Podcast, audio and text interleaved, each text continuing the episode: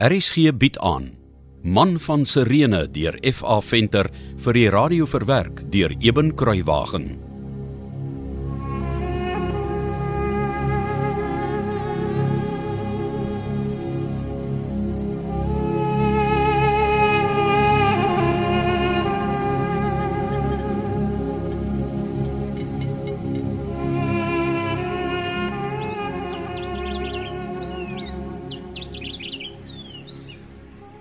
Revolusie is in die lug, Simon. Wat kan ons dit keer as die Nasareëner sterf? Wie sal weet? Wie sal weet? Hoe meer aansien hy geniet, hoe groter is die risiko dat Jode te mekaar sal opstaan. Ja. Revolusie is in die lug. As dit net teen Rome is nie dan broer teen broer, vader teen seun. Die ellendige bedrieger. Ek wonder wat hoop hy om uit die hele gemors te wen. Ek wil tog nie weer bloed sien nie. Daar was genoeg bloedvergieting toe Judas van Galilea opgestaan het. Of daardie daardie Jood in Sirene. Wie hy ook al was. Ja, ek het nooit gehoor dat iemand sy naam noem nie. Maar Rome laat jou loop totdat hulle meen jy het ver genoeg geloop en dan breek hulle jou. Jy kan vlieg solank as jy net nie hoor as die adelaar van Rome vlieg nie. En die dag as Rome dink die Nasareëner het nou ver genoeg geloop, sal Israel weer bloei. En, en wanneer dink jy sal Rome het te ver geloop? Wat moet hy doen of sê? Die dag as dit lyk of hy groter word as Tiberius, sal Rome die swaard uittrek. Dis hoekom die Sanhedrin sê liewer een man as die hele volk. En wat sê jy, Josef van Arimatea? Dis nie heeltemal so eenvoudig nie. Ek kan ewe maklik vra, wat sê jy, Simon van Alexandrië? Ons albei moet die vraag vir onsself beantwoord. Ja, maar jy's 'n belangrike man. Ek's net 'n houtakker en 'n waterdraer. Jou siel is net soveel werd as myne. Ek weet nie ek. Ek's bang. Na vandag gaan duisende meer Jode die Nasareëner volg. Dis 'n gemors. Ja. Aan die een kant het jy die Nasareëner en aan die ander kant die tempel, die wet en die tradisies van Israel. En dan het jy om alles te kroon daardie jong Saulus vir die volk teen die Nasareëner opsweep. En al hierdie die onderstrominge kan net op bloedvergieting uitloop. Wat is die antwoord? Ek wens ek het geweet.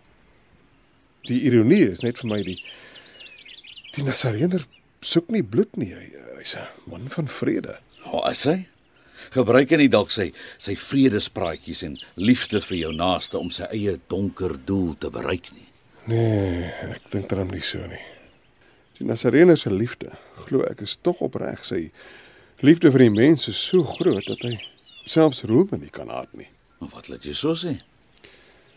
Wel, 'n fariseer of twee en 'n paar van my kollegas van die Sanhedrin het hom probeer vastrek. Toe hulle hom vra of van die keiser belasting betaal moet word, het hy gesê ons moet aan die keiser betaal wat die keiser toekom. Ja, maar het hy gesê ons is verplig om aan die keiser belasting te betaal? Eh, Onthou, dis 'n man die wat hom met tollenaars ophou, né? Hy het eintlik meer as dit gesê. Hy het gesê gee aan die keiser wat hom toekom en gee aan God wat hom toekom. Ek het nog altyd gedink hy's 'n handlanger van die keiser. Dis dit dat hy nooit iets teen Rome sê nie. Waar het jy nou al gehoor van 'n Messias wat sy volgelinge aanspoor om aan die vyand te gee wat hom toekom? Hoe kan hy die volk verlos met sulke praatjies? Want die Nasareëners sien almal dieselfde. Verstaan jy nie? Vir hom is daar nie vriend of vyand nie. Dit is die woorde van 'n baie geslepe bedrieger. In plaas daarvan dat hy vir ons vuurige waans en bevryding bring, pleit hy vir Rome. Dis hoe hierdie verraaier van 'n Messias lyk. Maar hunker jy dan nie ook na die Messias nie, Simon? Beskuldig jy my nou van iets? Natuurlik nie. Hoe kan jy my eers so iets vra, Josef van Arimatea? Is ek dan nie 'n Jood wat saam met Israel lei nie? Het Rome nie alles vernietig wat ek gehad het nie? Buig ek nie saam met elke Jood onder die mag en die onderdrukking van die haatlike Tiberius in Jerusalem nie? Natuurlik. Ja. Ja, ek hunker na die Messias.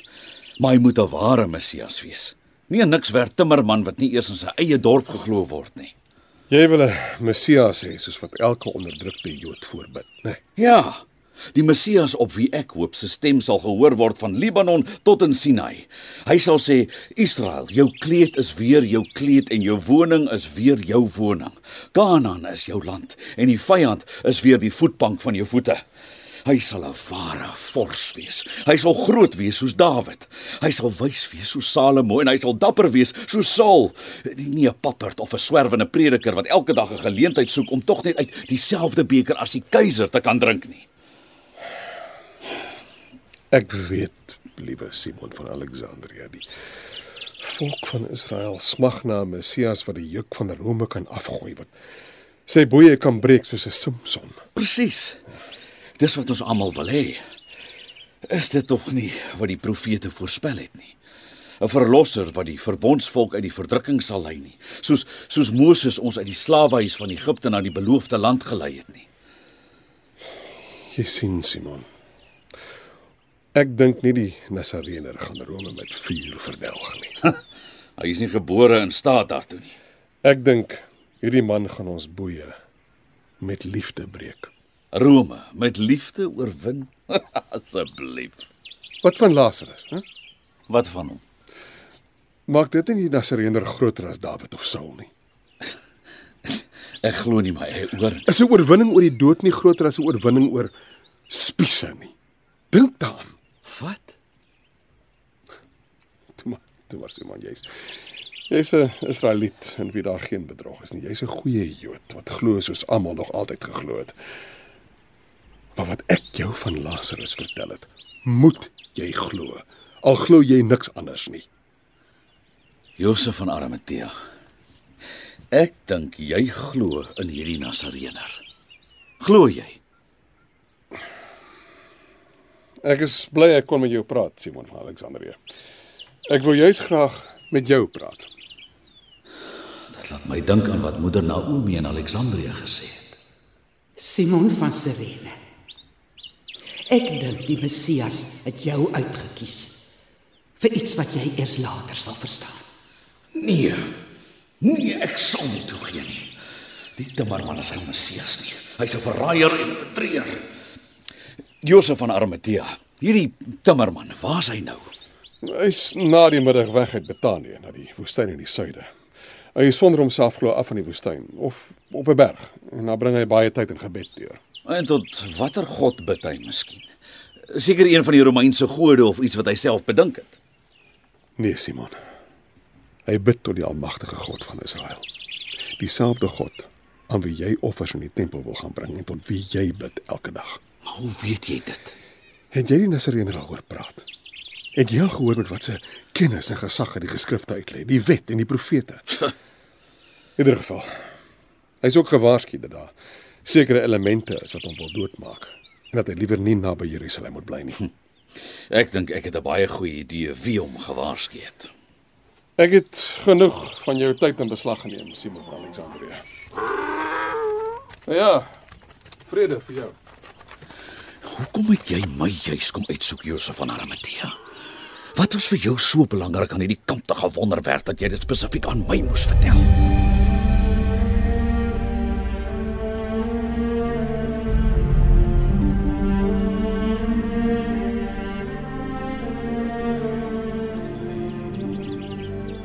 En toe, ek dog julle werk nog. Dis nog eers donker nie. Nee, ek sien lus om vandag aan die bome te torring nie. Hier is die maatjie. Dankie. Ek's dors. Mm. Ek het vir Sigiel gesê hy kan maar gaan rus as hy wil.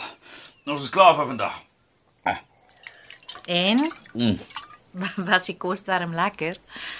Dankie. Baie lekker. Simon? Is iets verkeerd? Simon, Hm? hoekom kyk jy so by die venster uit? Simon, wat gaan aan? Ja, niks gaan aan nie, Deborah, en daar's niks verkeerd nie. Wie was dit wat vanmiddag op die donkie aangery gekom het toe ek op pad was om terug te kom huis toe? Josef van Arimatea. O. Wat wou hy hê? Of wat het hy gesê wat jou so ontstel het? Simon, praat asseblief met my. Man, Wil hy nie hê ons moet meer op sy grond bly nie of of of wil hy die huis terug hê? Wat het die man tog gesê?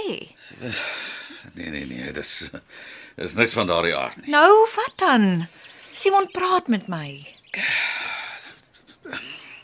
Josef van Arimatea weet te vertel dat die Nasareëner ene Lazarus van Betanië van die dood opgewek. Ekskuus, ek kon nie die laaste stukkie mooi hoor nie. Jy het goed gehoor, Deborah. Nee, jy het gemompel. Ek kon nie mooi hoor nie. Ek moppel geen. Asseblief sê net weer. Ek het net gehoor jy sê iets van iemand van Betanië, maar die res kon ek nie hoor nie. Asseblief, Simon. Ek sê Josef van Arimatea wou my laat glo die timmerman het 'n pottebakker van Betanië uit die dood opgewek. Het jy my nou gehoor, Deborah, of moet ek dit weer sê? Wat? Ja, reken. uit die dood opgewek. Verbeel jou. Maar maar eh, is dit waar, Simon? Is is so iets moontlik? Natuurlik nie, Deborah. En dis presies wat ek vir Josef van Arimatea ook gesê het. Niemand kan die dood oorwin nie behalwe die almagtige God van Israel, die God van Abraham, Isak en Jakob. En Josef van Arimatea het jou vertel dat Jesus van Nasaret, 'n man van Betanië, uit die dood opgewek het. Ja, ja, ek sê mos so. Maar ek glo dit nie vir een oomblik nie. Dit is 'n een of ander slenter dink ek. En jy sê dit was hier in Betanië. Ja, Dan was hy hier. ek het jou mos gesê Josef van Arimatea was vandag. Nee hier. nee, nee, ek bedoel Jesus van Nasaret. Hy was hier naby in Betanië. Ja, so sê Josef. En, en waar's hy nou? Ek, ek bedoel Jesus. Waar's hy nou? Huh, ek weet nie. Josef sê die Nasareëner het op die vlug geslaan. Ek dink hy's 'n lafaard wat bang is die Sanhedrin laat hom vang. Hoor jy wat sê ek, Deborah? O o ja, ja, ek ek hoor jou. Nou ja. Ek dink ek gaan maar vir eers weer. Eh, Ek het vergeet ek moet uh, nog na die koring loop kyk. Ek was ook nie vandag daar nie. Goed. Jy het nie dalk iets van Rufus gehoor nie. Ehm um, nee, ek uh ek het hom nie gesien nie. Ek sou hier by jou lyfpoort inglip en dan koers vat na jou lyfberg. Net kort kort seker maak dat iemand my agtervolg nie. Veral nie Segiel nie. Niemand mag weet waarheen ek nou op pad is nie. Ek kan amper self nie glo wat ek besig is om te doen nie. Maar ek moet self gaan kyk of Josef van Arimatea se storie waar is.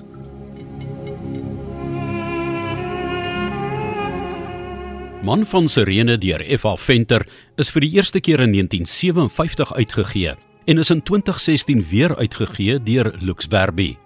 Die produksie is tegnies hanteer deur Cassie Lauis en die verhaal word vir RSG verwerk deur Eben Kruiwagen onder spelleiding van Joni Combrink.